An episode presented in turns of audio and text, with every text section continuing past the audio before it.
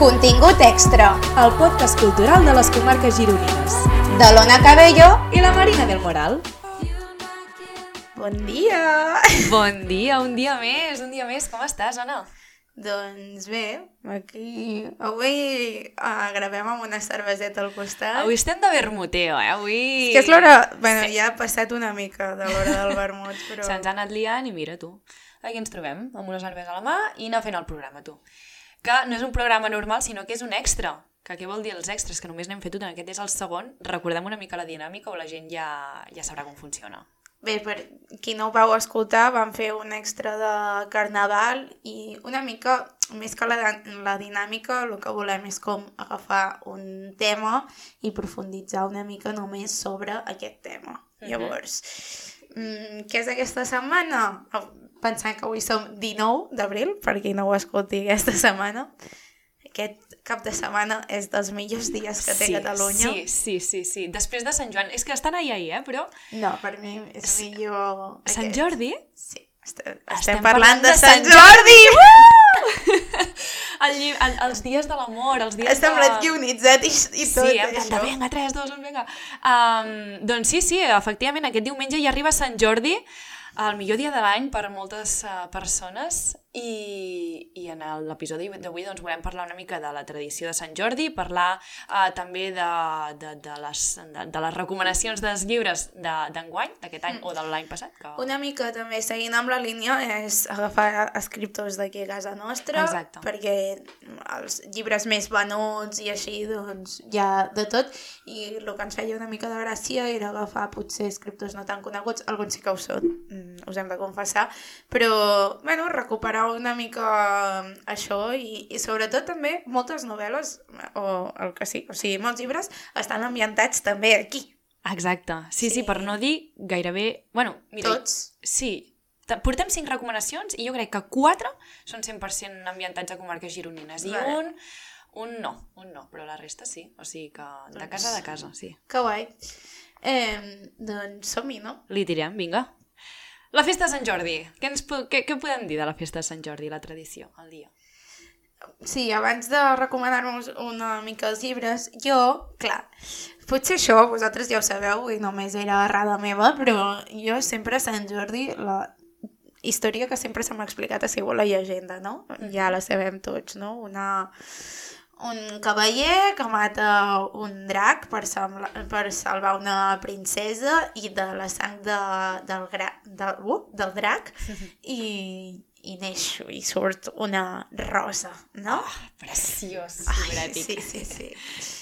Llavors, jo una mica, mm, com que sempre se m'havia explicat com la llegenda per saber com sorgia Sant Jordi, he dit, vaig a buscar perquè collons es fa Sant Jordi de veritat. O sigui, Exacte. Molt bé, pot ser veritat que naixés una rosa de la sang, però, Però dubto sospitem que... que no va ser així. No és real, aquesta història. N'hi ha una altra. Llavors, um, una mica això, la, la meva idea ha sigut buscar l'origen històric uh, uh, i aquí ha començat la meva recerca. Llavors, um, Sant Jordi vale, era un cavaller real. Vale. Era una, un cavaller que es va morir l'any 303. Hòstia, vale? eh? De, després de Ja està Crist, evidentment. descomposadíssim, en Sant Jordi. Sí, sí. Ara jo em pregunto, hi ha la tomba real de Sant Jordi? Ah. Això no ho he buscat, eh? I on estarà? Mm? Ah, Una bona església de ser home. I Sant Jordi uh, va ser un cavaller... Es va considerar un cavaller important perquè va ser un màrtir, vale? o sigui, estava com en una tropa que havien de matar cristians, ara espero no equivocar-me, eh? i ell es va oposar. I com que es va oposar, el van torturar, el van, bueno, el van acabar matant amb els mateixos que anaven i llavors per, el van considerar un màrtir de, bueno, dels cristians de... i a partir d'aquí doncs mm, des de res segons el que s'explica mm, va faltar molt poc temps perquè ja sortissin moltes llegendes sobre Sant Jordi perquè ja des de super poc ja se'l tingués en molta consideració i comencés a ser un símbol i una figura. important, vale? Llavors, aleshores, eh, era durant la corona d'Aragó, això va passar al regne d'Aragó i se'ls va estendre en tota la corona, que recordem, no? el territori de la corona d'Aragó, que podríem assimilar-lo eh? als països catalans, mm, que diuen que és algú inventat, però no. Uh, llavors, va haver-hi una devoció per la figura de Sant Jordi que, que es va al 1427 i així eh, al Principat, o sigui a Catalunya, es va voler celebrar com Sant Jordi i per tot el mite que es va construir respecte a aquesta figura. Llavors, què va passar? Que el 1456 eh, Sant Jordi es va aprovar a les Corts Catalanes, o les Corts Reials, perdó, és que ara potser la liaré una mica, però bueno, eh, es va aprovar que fos el patró oficial de Catalunya. Caram. Paraules importants, això. El 1456 va ser això. I bé, sempre va ser una figura important, que es van voler fer moltes coses, però no va ser a partir del moviment polític i, i cultural de la Renaixença, vale? Tot, és- bueno, ja és un moviment català bastant important perquè la majoria de, de, de tradicions i es repensa, no se'n creen de noves en aquell moment de, de les coses que, que ens han arribat ara. Eh, I a partir d'aquí mm, s'instaura Sant Jordi com la diada patriòtica i cívica i cultural Cultural. més important de Catalunya. Però Ep. que no fem festa. Toca tots els collons, tio. Ja, eh? És que aquest any perquè cau en diumenge, però si no, hòstia, és... és...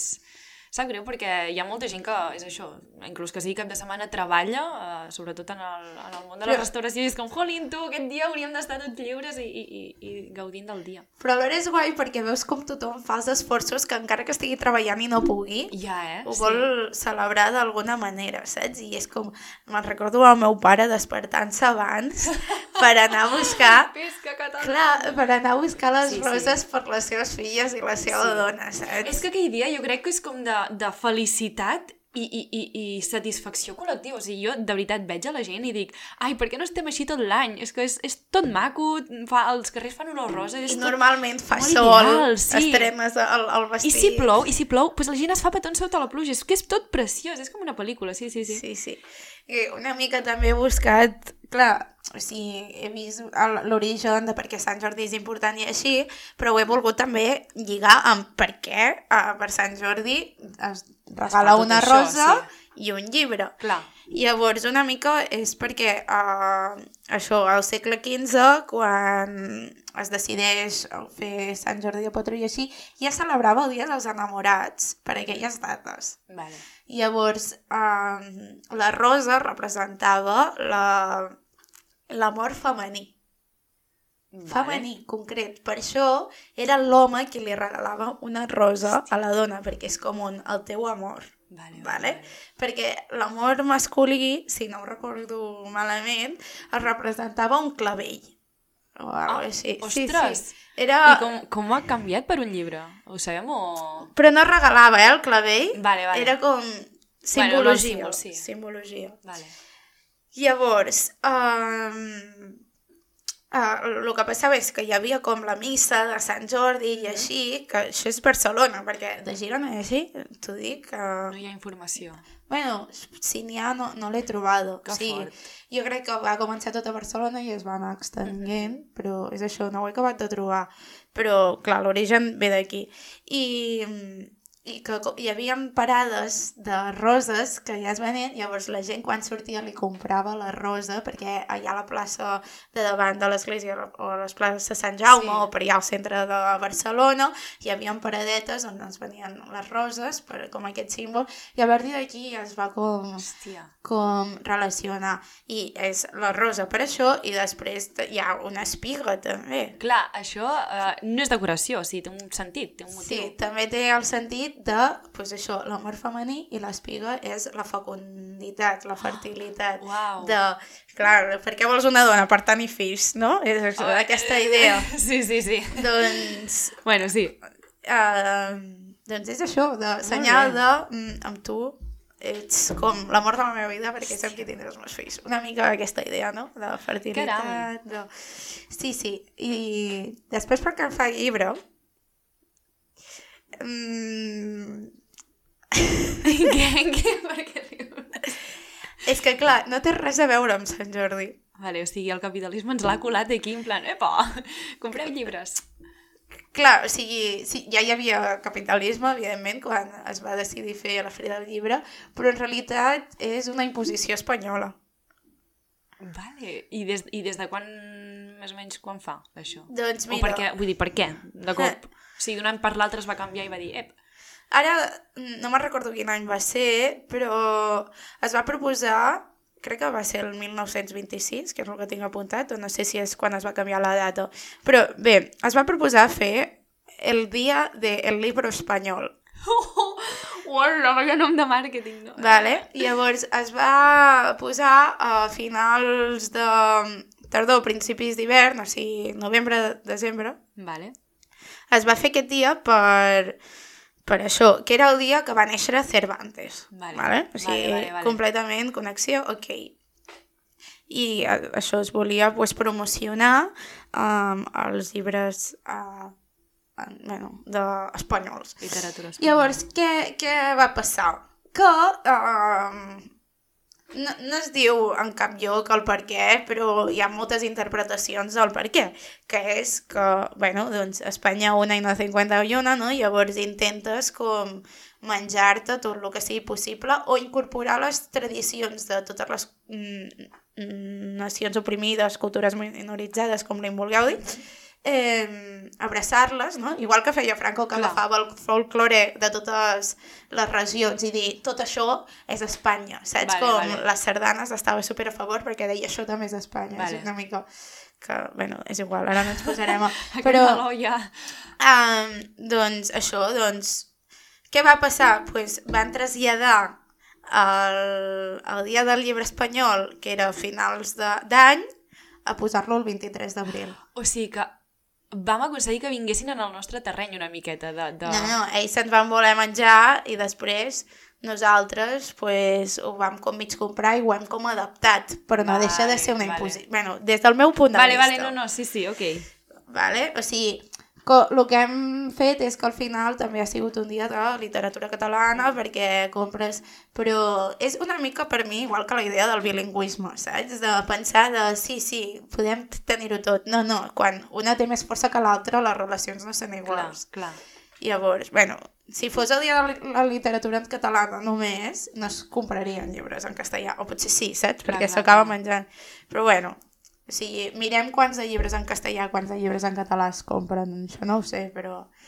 El tema que és això, es, es va fer el 23 d'abril, el, el dia de, de, del llibre, que evidentment també es feia a Catalunya, i a partir d'aquí per això es va començar, com que eh, els homes compraven una rosa en elles, pues elles van dir, bueno, pues me comprarem un llibre perquè és el dia del llibre.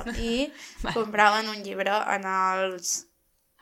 En els... Sí, bueno, en, a, a les parelles. Sí. Ara, t'he de dir que jo després de saber això m'estic... No, no deixaré de comprar-li llibres a, a, als meus amors, però dic, ara pues li compraré un clavell, saps? Doncs ara no celebres Sant Jordi, hòstia. Però No, no. sí, sí, i de fet va acabar esdevenint un dia tan important del Dia del Llibre que el 1995 la UNESCO va um, dir que el 23 d'abril és el dia del llibre mundialment. Tia, què dius? Sí, sí. Victòria per nosaltres, això està No, no, bé. victòria per Espanya, Marina, no t'equivoquis. Bueno, uh, al final... molt bé, molt bé. Bueno, cadascú amb la seva cultura, però sí, ha acabat sent el dia del llibre internacional. Hòstia. Hòstia, molt bé. I mm, bé, no sé si tens alguna més a comentar o del tema de la tradició de Sant Jordi, de, de la història, de... Bueno, si vols de la mateixa línia, un únic comentari per veure fins on arriba el tema, és que el 23 d'abril, des del 2021, també es va decidir que era uh, el dia de la llengua espanyola, Per? perquè ho va decidir el govern espanyol. Ah, així del pal, en plan de... Bueno, ha. les tradicions totes Vale, són com idees es fan i com, a partir de que es fan X anys passa a ser una tradició. Vull dir. Vale, vale. Després d'aquí mm, 50 anys trobaran supernormal que el 23 d'abril i és un, no hi ha dates en tot l'any que s'hagi de celebrar. Clar, clar, home, és una mica... Oh. Pues, bueno, així, però nosaltres ens aferrem a Sant Jordi, el Sí. nostre heroi, i, i bé, a, a, clar, com que ve de tot això de la corona catalano-aragonesa, pues, a Aragó és festa nacional. Hòstia. És, la, clar. és festa nacional d'Aragó. Sí que és veritat que va haver-hi com uns anys que, que no es va celebrar i crec que també va ser a partir de... Ara la liaré. bueno, que durant uns anys no com sudava, mentre aquí sí que celebrava i després ho van reprendre al govern i van imposar-ho com a... Aquest és el nostre dia nacional i ho van agafar. I, i bueno, en altres territoris com bueno, País Valencià, eh, Mallorca, Menorca i Eivissa, eh, doncs es celebra també per afinitats, amb la llengua, amb Sant Jordi, que formem part d'una cultura. Etcètera, etcètera, etcètera, i aquí ens podríem esplaiar més i més. I eh, aquesta era la idea, sí, sí. Molt bé, molt bé. Llavors, mm, anem a continuar amb la línia de el dia del llibre espanyol i anem a recomanar llibres. Anem a recomanar llibres, sí, perquè uh, jo ja porto com aquesta setmana que no paro de rebre missatges d'amics i amigues que em diuen recomanem llibres per aquest Sant Jordi, que no em queixo perquè m'encanta com que la gent em tingui de referència per aquestes coses i no sé si a tu t'ha passat potser de... No, perquè saben que jo no llegeixo. bueno, jo tampoc és que llegeixi aquí, però, però bueno, i els hi estava dient, ostres, doncs espereu-vos perquè mm, d'aquí poquet publicarem un episodi on publicarem, eh, on recomanarem doncs, llibres d'escriptors de, de, de comarques gironines i que la gran majoria d'ells també doncs, tenen com a escenari eh, ubicacions d'aquí, de les comarques gironines. Per tant, tenim cinc llibres, tres són biografies i dos que són ficció. ficció, Sí, no? exacte, més inventat. bueno, són... El, o sigui, de les biografies són també com autoficció. Vull dir, Clar, és metaficció, sí. Com... agafen recursos Clar. reals per eh, crear històries, però, per exemple, en Sex Me no és una biografia. Clar, vale, clar, no... no... És un personatge fictici Vale. que passa per coses que pot haver passat O no? L'escriptor, Vale, saps? vale, vale. Però, dale.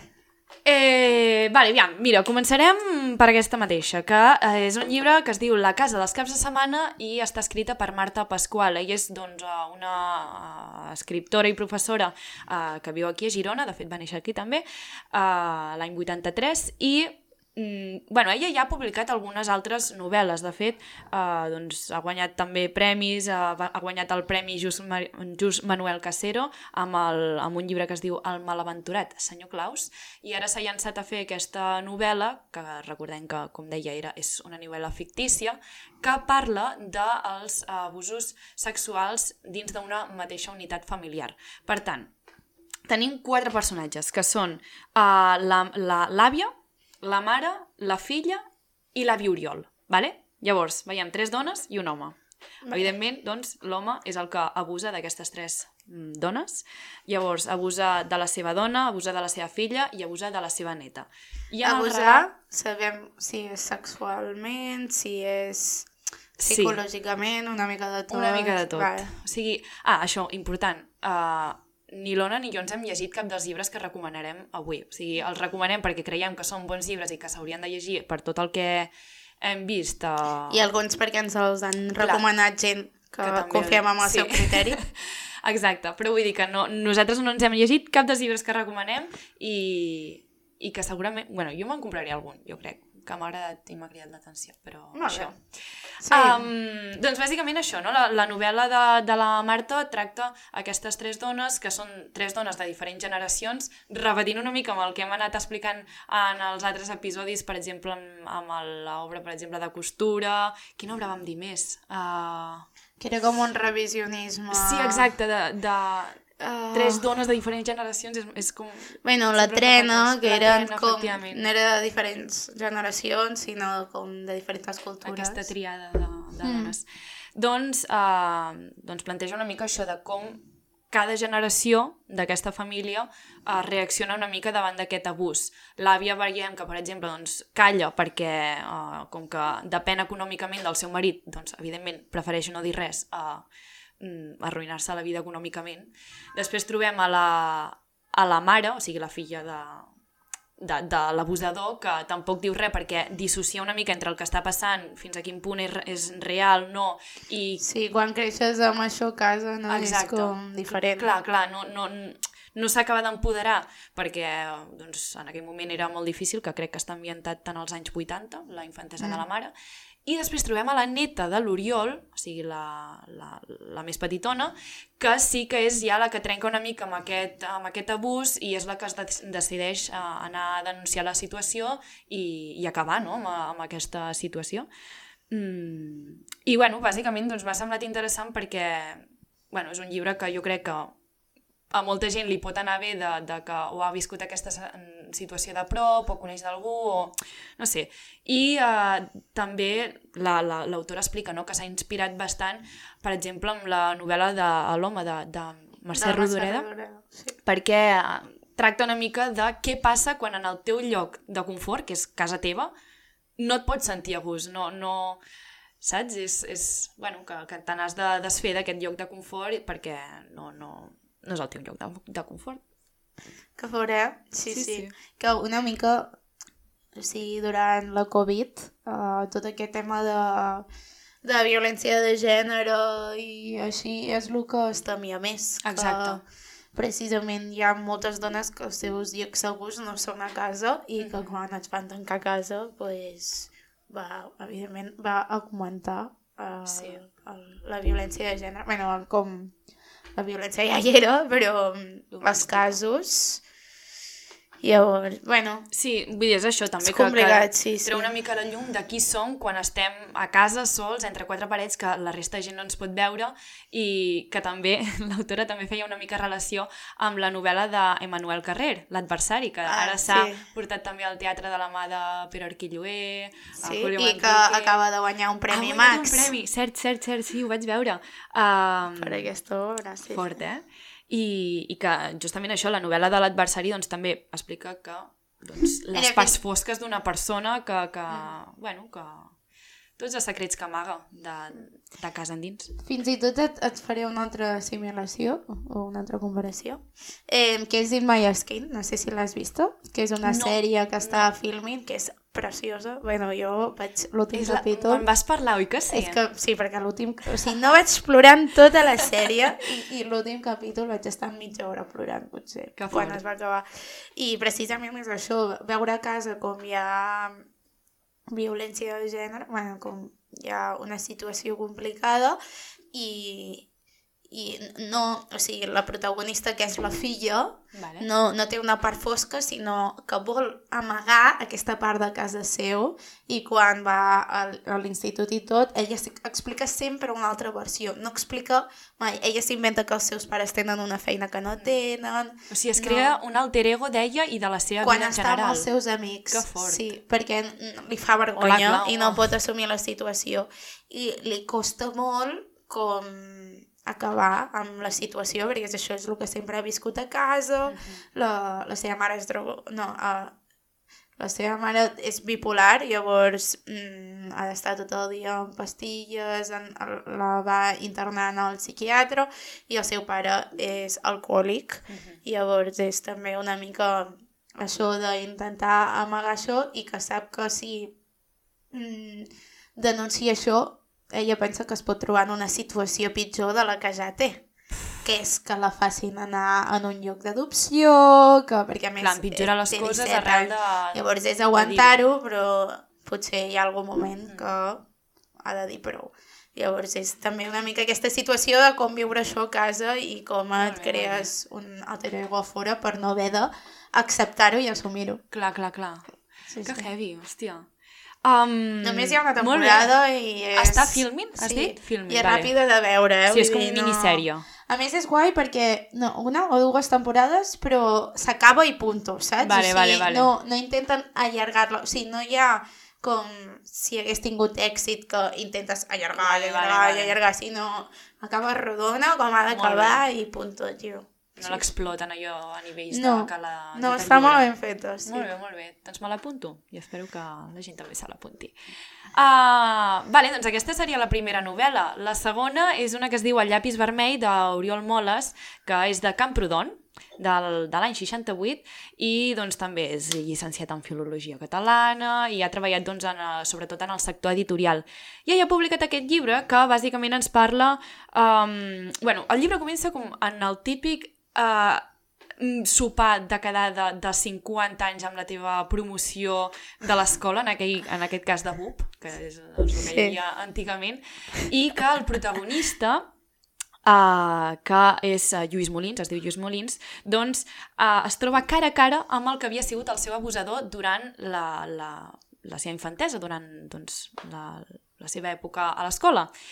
I doncs, arrel d'aquí es va explicant doncs, una mica la situació de tots els abusos de bullying eh, que hi havia als anys 80 i més aviat que hi havia dins dels de, eh, internats religiosos en aquella, en aquella època. Per tant, és com una mena de, de, de denúncia social. Um, com us dic, aquest llibre està escrit per Oriol Moles, que viu a Camprodon, però uh, l'escenari que utilitza és el seminari de Vic, per tant, fora de les comarques gironines. I, I no sé, jo també trobo que és interessant perquè, bueno, no sé, hi ha, hi ha molta gent, jo m'incloc, que que coneixem per part dels nostres pares, per exemple, que ho han anat a estudiar a algun col·le de monges o algun seminari o el que sigui, i t'expliquen una mica així com de retruc de, de tot el que van arribar a viure i és com, ai, potser exageren una mica. I el fet de No, tenir en, no. en una novel·la... Bueno, no, no exageren en plan de... No, aquesta gent són bona gent. No, però sinó de... no sé. I no sé, que el fet de tenir en una novel·la, pues, està guai. Aquesta, aquesta no és biografia, eh? és fictícia. Llavors, no sé.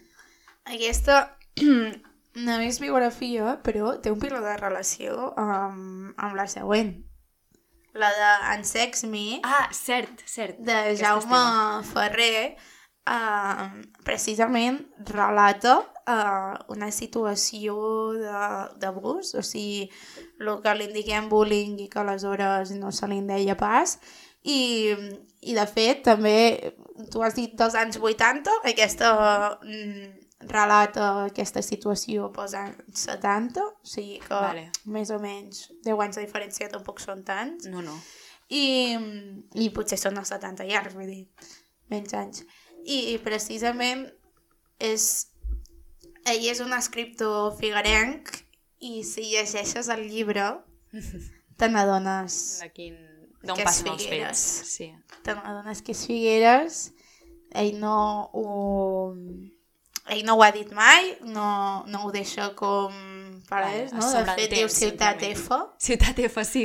sí, sí. Um, i, I bé, explica precisament això de d'un xaval que, que entra en una escola, o bueno, escola, institut, ara no ho sé, eh, i de lo primer que es troba són aquestes situacions de violència, no? Mm. Que només arribar, el primer que li diuen és de si et molesta el teu un company li pots cardar una colleja, com Ole! no passa res. I Som-hi. després que va i en el pati Clar. qui pateix aquesta situació de violència és ell, no? Clar. I com el pati de l'escola es converteix en un infern, com aleshores era, anaven només nens junts, Mhm. vale? I llavors, bueno, és com uh, relatar tota aquesta situació i de fet en els en els mitjans... Passat la Acaba de passar una ambulància. Oh, sí, sí. Um, és que anava a contradirecció i dic, què fa aquest cotxe? Va, ja està. Um, de fet, a les entrevistes que li fan, li pregunten si és ell, si el, el personatge principal, que, que es diu Jacob, um, doncs li pregunten això. I, i de fet, qui, qui explica la situació, o sigui, el narrador, eh, es diu Nemi, vale? o sigui, no és ni en Jacob. I jo vull llegir com la resposta de, de, de l'entrevista, que li diuen, hem de preguntar si ets en Jacob o no. Vale? I ell diu, aquí s'ha de creure en la Santíssima Trinitat. O hi creus o no. Déu Pare, que seria Jaume Ferrer, o sigui, l'autor, Déu Fill, que seria el narrador, en Nemi, i l'Esperit Sant, que seria en Jacob. Si creus que són una mateixa persona, o que en són tres, és dogma de fe. Oh, és molt bona resposta. Caram. Sí, sí. I, i bé, jo bueno, ho trobo interessant perquè és això, és com... També explica com era molt difícil decidir si ell volia posar el seu nom o un pseudònim com a firmar l'obra, perquè si no és molt fàcil relacionar-se amb el que pot haver viscut i el que no, i al final la va acabar posant com, com potser com a forma de denúncia, no? Com de... Més Sí, com per dir, sí, sí, això sí. ha passat i ja està, no? I, i jope, és, és una obra que jo la volia recomanar perquè ja fa un any i pico, o no me'n recordo quan va sortir, que me l'estan recomanant i que qui me la recomana confio plenament. Per tant, molaria que us la llegéssiu i més si us coneixeu Figueres, si sou de l'entorn, si sou de Figueres o si sou de Girona o del qualsevol lloc i heu tingut relació amb la ciutat, i us la coneixeu i sobretot perquè crec que també és una situació que molta gent pot haver viscut i pots acabar empatitzant o d'alguna manera aquest llibre també ha sigut com fer teràpia. Clar, de, de treure una Saps? mica tot el que portava sí, perquè en aquells anys. Hi havia moltes coses que havia escrit i que no havia publicat mai i com aquest llibre ha sigut com ho deixar-ho anar tot i, i fins l'últim moment era un no, no, millor no publiquem saps? que el, el dubte eh? aquest de publicar-ho o no i llavors jo crec que això amb el text es nota el, els, el punyal, saps? Que deu Clar. costar de llegir o et deu remoure coses i de fet també explica com el, el narrador, vale, que li diu Nemi, eh, Diu, és que, per exemple, ell escriu com una altra persona. Jo sóc molt de pensar els punts, les comes, i ell escriu mm, tal com raja, saps? Com... No, I... sí, sense decorar el, el discurs una mica, sense... I, i que, o sigui, sobretot en, en la forma d'escriure, saps? I que li havien preguntat com, des de tu quan amb l'editor, no?, que et mires com ho fas i així, normalment sempre s'envien tots els els llibres eh, al corrector i així i t'acaben de puntuar bé, vale? Mm -hmm. Llavors era com, no, no, aquest personatge ha de ser així, saps? Si, si puntua malament o, o, o fa aquests espais tan, aquestes frases tan llargues, és per un sentit, vale, no? Vale, I és una mica això. Llavors, bé, res, ho trobava interessant i també ho volia recomanar. Molt bé, no, no, sí, sí. Um, molt bé, doncs seguim amb les recomanacions i anem cap a Besalú amb el fabricant de records del Martí Gironell. Segurament coneixereu el Martí Gironell perquè l'haureu vist al Telenotícies. Eh, ell va estar treballant a TV3 presentant això, al Telenotícies, des del 2001 al 2016, si no m'equivoco. Eh, però llavors, a partir d'aquell any, ja es va dedicar 100% al món de, de l'escriptura. Eh, I és una cosa molt interessant perquè en diverses entrevistes ella explica que des dels 14 anyets eh, ha sigut doncs, guia turístic del poble de Besalú. Després sí que va anar a Ràdio Besalú, també en 14 anyets, i va, fer, va començar a fer un programa amb els seus cosins, i ella explicava doncs, que a ell el que li, li agrada molt fer és transmetre aquesta passió de, i aquest amor del, del seu poble, que és Besalú, a als visitants. No? Llavors, això es nota molt en la seva literatura perquè, com us deia, ara acaba de publicar aquest llibre que es diu El fabricant de records, que parla sobre la biografia del fotògraf, fotògraf ambulant Valentí Fargnoli aquest senyor doncs, té orígens italians, aquest en, en, el senyor Farno, Farnoli. sí, eh, com... Um, però és un fotògraf doncs, això, que va estar durant molts anys vivint a Besalú i va retratar tot el que era la vida uh, d'aquell moment, al segle XX. Uh, I era molt curiós perquè era un personatge que anava amb la seva bicicleta, amb, amb, amb, el, doncs, amb el trípode a l'esquena, i anava voltant, anar, anar retratant doncs, això, uh, tot el que era la vida des de la costa fins a la muntanya, passant pels petits pobles, retratant la, la vida de pagès, la vida de camp, i, uh, bueno, per què a Martí Gironell li va interessar aquesta història? Perquè ell fa, fa bastant de, de novel·la històrica, també té un altre llibre que es diu El pont dels jueus, que parla sobre el pont de Besalú, i eh, eh, ella explica que doncs, va, conèixer, va arribar el nom Valentí Fargnoli perquè un dia mirant fotos es va donar que eh, bueno, totes les fotos eren d'aquest senyor i que va arribar fins i tot a retratar fotogràficament el casament del rei Alfonso XIII. Hòstia, tu. Que o sigui, el, en el casament de, de, del rei Alfons XIII va haver-hi un atemptat. Llavors, uh, D'aquí? Ell- Ho sabem, d'aquí? no se sap d'aquí. Però què passa? I això és molt Perquè interessant. i va ser el 1906, no? Sí. Què passa? Que Valentí Fernyoli va fer de fotògraf en aquest casament, va haver-hi l'atemptat i durant els dos anys següents ningú va saber res d'en Valentí Fernyoli. Per tant, aquí, eh? Mm. aquí passen, bueno, neixen preguntes de... Va estar implicat realment ell en l'atemptat? Potser, no sé, saps? I, i res. Perquè ell, o sigui, um, Fer Fernoli. Um, havia, se sap si tenia alguna ideologia política o havia participat... Uh, jo crec Perquè, que... clar, o sigui, si sospites d'algú, és també... Perquè tens sí, motius. Bueno, aviam, que marxi, desapareixi dos anys, ja et pot donar algun motiu, però sí, a més, uh, jo què sé, um, feia sempre quan parlava donava la seva opinió política i s'associava amb alguna banda, no sé. Jo crec que això que estàs preguntant, i no és ara per fer publicitat del, del llibre, però crec que uh, llegint-lo, crec que potser es pot arribar a entreveure Vale. mm, de quin pal anava uh, el fotògraf. Perquè és això, o sigui, és una biografia barrejada amb una mica de ficció, però que és això, el que ha fet, el que ha fet Martí Gironell és agafar totes aquestes fotografies i el relat que, que, que portava doncs, per, per complementar-la amb, amb històries i acabar fent el, el, el llibre, no?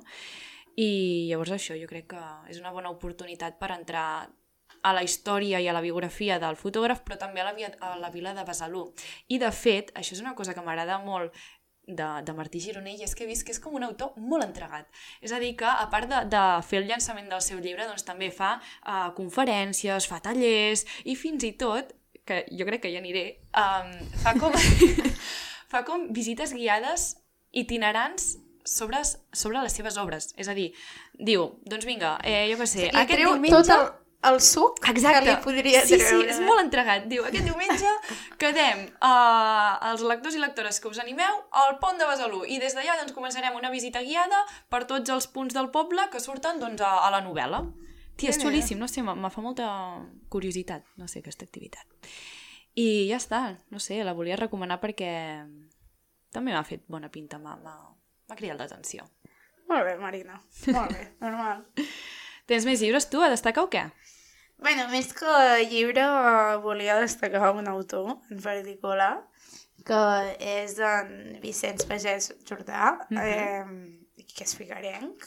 Eh, de fet, va morir el passat 28 de- d'agost i, Hòstia. i se li va retre homenatge perquè és un de, dels escriptors cata- dels escript... uh, d'escriptors catalans de l'actuali- de l'actualitat que escrivia millor. Vull dir, quan va morir tothom era com un uau, uau, uau, uau. que si no m'equivoco estava malalt. Però o sigui que ja... Perquè va morir amb 50 anys, eh? No, Hòstia, què sí, dius? no, no era vell. No, no, no va morir de vell, va morir de Um, llavors, de fet, ell és un de, una de les persones que portava l'aula d'escriptura de Girona, Ah, vale? vale. que és una aula on podeu venir a aprendre a escriure, fas com tant... et fan llegir per veure els estils de la literatura i conèixer una mica, però després eh, escrius i, i et corregeixen i per aprendre, i crec que el, el, són 4 anys o 3 anys i el projecte final és escriure tu un llibre i amb un tutor, que és un, escript, un escriptor professional, llavors està molt guai. I ell era, era uh, bueno, és, era, com li diem, um, i llavors el volia um, uh, ressaltar bàsicament per això, per també com parlar d'ell, perquè um, per la seva importància dintre bueno, el que ens trobem ara de l'escriptura catalana i sobretot també perquè crec que és guai com fer un comentari d'ell en, en aquest episodi en concret perquè té un llibre que es diu Un tramvia anomenat text. Vale? I és un llibre que parla sobre l'escriptura, sobre l'art l'art d'escriure. d'escriure i de trobar un estil i de fer-ho bé. Llavors penso que ja que parlàvem de llibres, era guai com parlar d'aquest concret, Sí. de com veu ell que, creu que en els instituts o que en general no, se, no es té gaire en compte la literatura, l'escriptura, No que no no se li dona el valor que se li hauria de donar, no? I més ara amb aquestes noves metodologies que estan sortint, que són tots una mica tontos. Ara es, es queda un comentat de cunyau, això, però... Eh, bueno, i, bueno, creia com guai parlar de... Bueno, parlar, mencionar-lo, perquè no diré res més, com d'aquest llibre, per tota la gent que li agradi escriure, s'estimi que se'l llegeixi, perquè és com això, una guia de, de l'escriure. I, I bé, i ja que estava, pues, mm, mencionar el seu llibre pòstum, que és canadiana, que parlava com dels fets de Kennedy i així, que té més graciós. Ara, un dels llibres més famosos, bueno, més llegits seus, que és Carta a la reina d'Anglaterra, uh, s'ha reeditat i torna a sortir a la venda perquè no en quedaven, per si algú li interessa i el vol comprar. I també és un altre autor en què, evidentment, aquestes obres complicat, perquè que, canadiana i reina, d'Anglaterra difícil, però que també tenia com relats i, i contes curts i així, on parlava de Figueres que era la seva ciutat. I Vale. també ens trobem escenaris com a Sant Pau. De fet, quan es va morir es va fer un acte d'homenatge a la biblioteca de Fages de Climent, de Figueres, i es van llegir relats on era això, i eren com històries del col·le, i parlava de Sant Pau, no sé què. I és guai perquè és això, parla d'aquí, i una mica per això el volia mencionar, perquè és un altre autor que crec que hem de posar en consideració. De fet, tots els que hem mencionat també hem buscat com autors més contemporanis, bueno, Sí, actuals, Sí. perquè... Tots ah, tenen entre Sí, Maria Àngels 40 Anglada més o 60. menys, no sé si és la nostra sensació, però creiem que és una figura important. sí. Llegiu-vos també els seus llibres. Les closes, crec que es diu un altre llibre important que hauríeu de llegir, saps? um, però una mica aquesta era la idea, no sé. Molt bé, Tu molt vols, bé. ja que he començat jo aquí a mencionar llibres, mencionar algun altre? Jo vull destacar l'últim llibre, que aquest jo crec que és el meu preferit que, que porto a recomanar en aquest episodi d'avui, i que es diu La Modesta. És un llibre de Rosa Maria Moret, que viu a Rebós d'Empordà, per tant, a l'Alt Empordà, uh, i ella, doncs, és de, dels anys 70. Uh, segurament la coneixereu perquè és la directora de l'escola Alfà d'Empordà. Uh, bueno, no sé, segurament l'haureu tingut de professora o la coneixereu doncs, perquè té la vostra edat, segurament. Uh, I ella doncs, ens porta aquest llibre que es diu La Modesta. La Modesta és la veïna ara ja està morta, però uh, era, va ser durant molts anys la veïna de la- l'autora. Era doncs la típica, saps lo típic que, tothom diu? És que en els, en els pobles sempre hi ha la típica, la, el típic boig. Doncs la Modesta era una mica qui tenia aquest paper en el poble de Rebós. Era bueno, una, una dona solitària, molt esquerpa, la gent li tenia por, no en tenia gaire bé doncs, el passat que havia tingut i per què es comportava d'aquesta manera. Llavors, eh, l'autora li va generar curiositat i per què es comporta així i quin passat ha tingut i eh, es va animar a fer aquest llibre Llavors eh, en, va, es va començar a anar documentant i es va adonar que la Modesta, eh, des de joveneta, doncs, havia sigut eh, mare soltera, bueno, havia tingut un marit, però després el marit se li va morir, per tant, eh, era viu, vi, vídua, Uh, I durant molts anys havia treballat com a... Uh, bueno, conduïa tartanes, no? Per tant, una... Ona! Perdó, m'ha saltat el vídeo. Um, això que comentava, no? Que la Modesta treballava de conduir T'estic tartanes, per escoltant, tant... eh, però... Vale, gràcies. Escolta activa, gràcies. uh, una feina molt revolucionària per, la, per una dona en aquell moment. I no només això, sinó que també quan va començar la guerra feia de passadora. És a dir, que ajudava que la gent creués la frontera. Mm, bueno, una vida, no?, de... Eh, típic de ser de l'Alt Empordà, sí, eh? que estem a la frontera i ens toca. Vull dir, la, major... la meva àvia també ho feia. En sèrio? Sí, clar, era, era normal. T'enviaven la nena a que fes un passeig i anaves. Sí. Hòstia. Doncs molt bé, podríem parlar eh, de, de, de tot aquest tema. Però això, uh, llavors, durant també molts anys va estar als, als uh, camps de concentració nazis i allà va ser quan van fugir. O sigui, va estar, jo crec que quan tenia uns 30 o 40 anys uh, als camps uh, de concentració, la va trastornar i quan va tornar a Rebós doncs, ja era una persona totalment diferent. De fet, va estar ingressada, si no m'equivoco, durant molts anys uh, al centre psiquiàtric de Sal i, i bueno, um, i és això, no? que tothom et prenia una mica per boja i arrel d'aquesta novel·la és molt bonic perquè uh, l'autora la, explica no? que gràcies a això la gent ha tingut una mica més de consciència de qui era la Modesta, uh, agafar una perspectiva diferent d'aquest personatge i d'aquest um, bueno, d'aquest personatge tan típic del poble i fins i tot ara s'estan plantejant de canviar el nom de la plaça de l'església i posar que, era, que, és, que és la plaça de Modesta Palé. Ah, gràcies a aquesta novel·la, o sigui que no sé, crec que és molt bonic que passin aquestes coses amb, amb la literatura i que la gent doncs, canvi de parer, que la gent conegui la història del seu poble, dels seus veïns i... I també... I la ah, nostra història. O sigui, sí, la nostra història i la nostra llengua, perquè aquest llibre està escrit amb el parlar empordanès. És a dir, totes les expressions, tot el... Saps? Mm. Um, doncs, per, bueno, l'autora volia donar-li com aquest Rellevància. de... Exacte, de creença, de i ja està bé, no sé. Molt bé, molt bé, Marina. I jo no tinc més llibres a recomanar, no sé. Aviam, Mollet, quin d'aquests volies comprar, que has dit abans? La Modesta, o si no, el, el, el fotògraf, el, el, el fabricant de records. Molt bé. Aquests dos m'han cridat bastant l'atenció. Tu? En Sex Me. Sí, bueno, que me'ls regalin.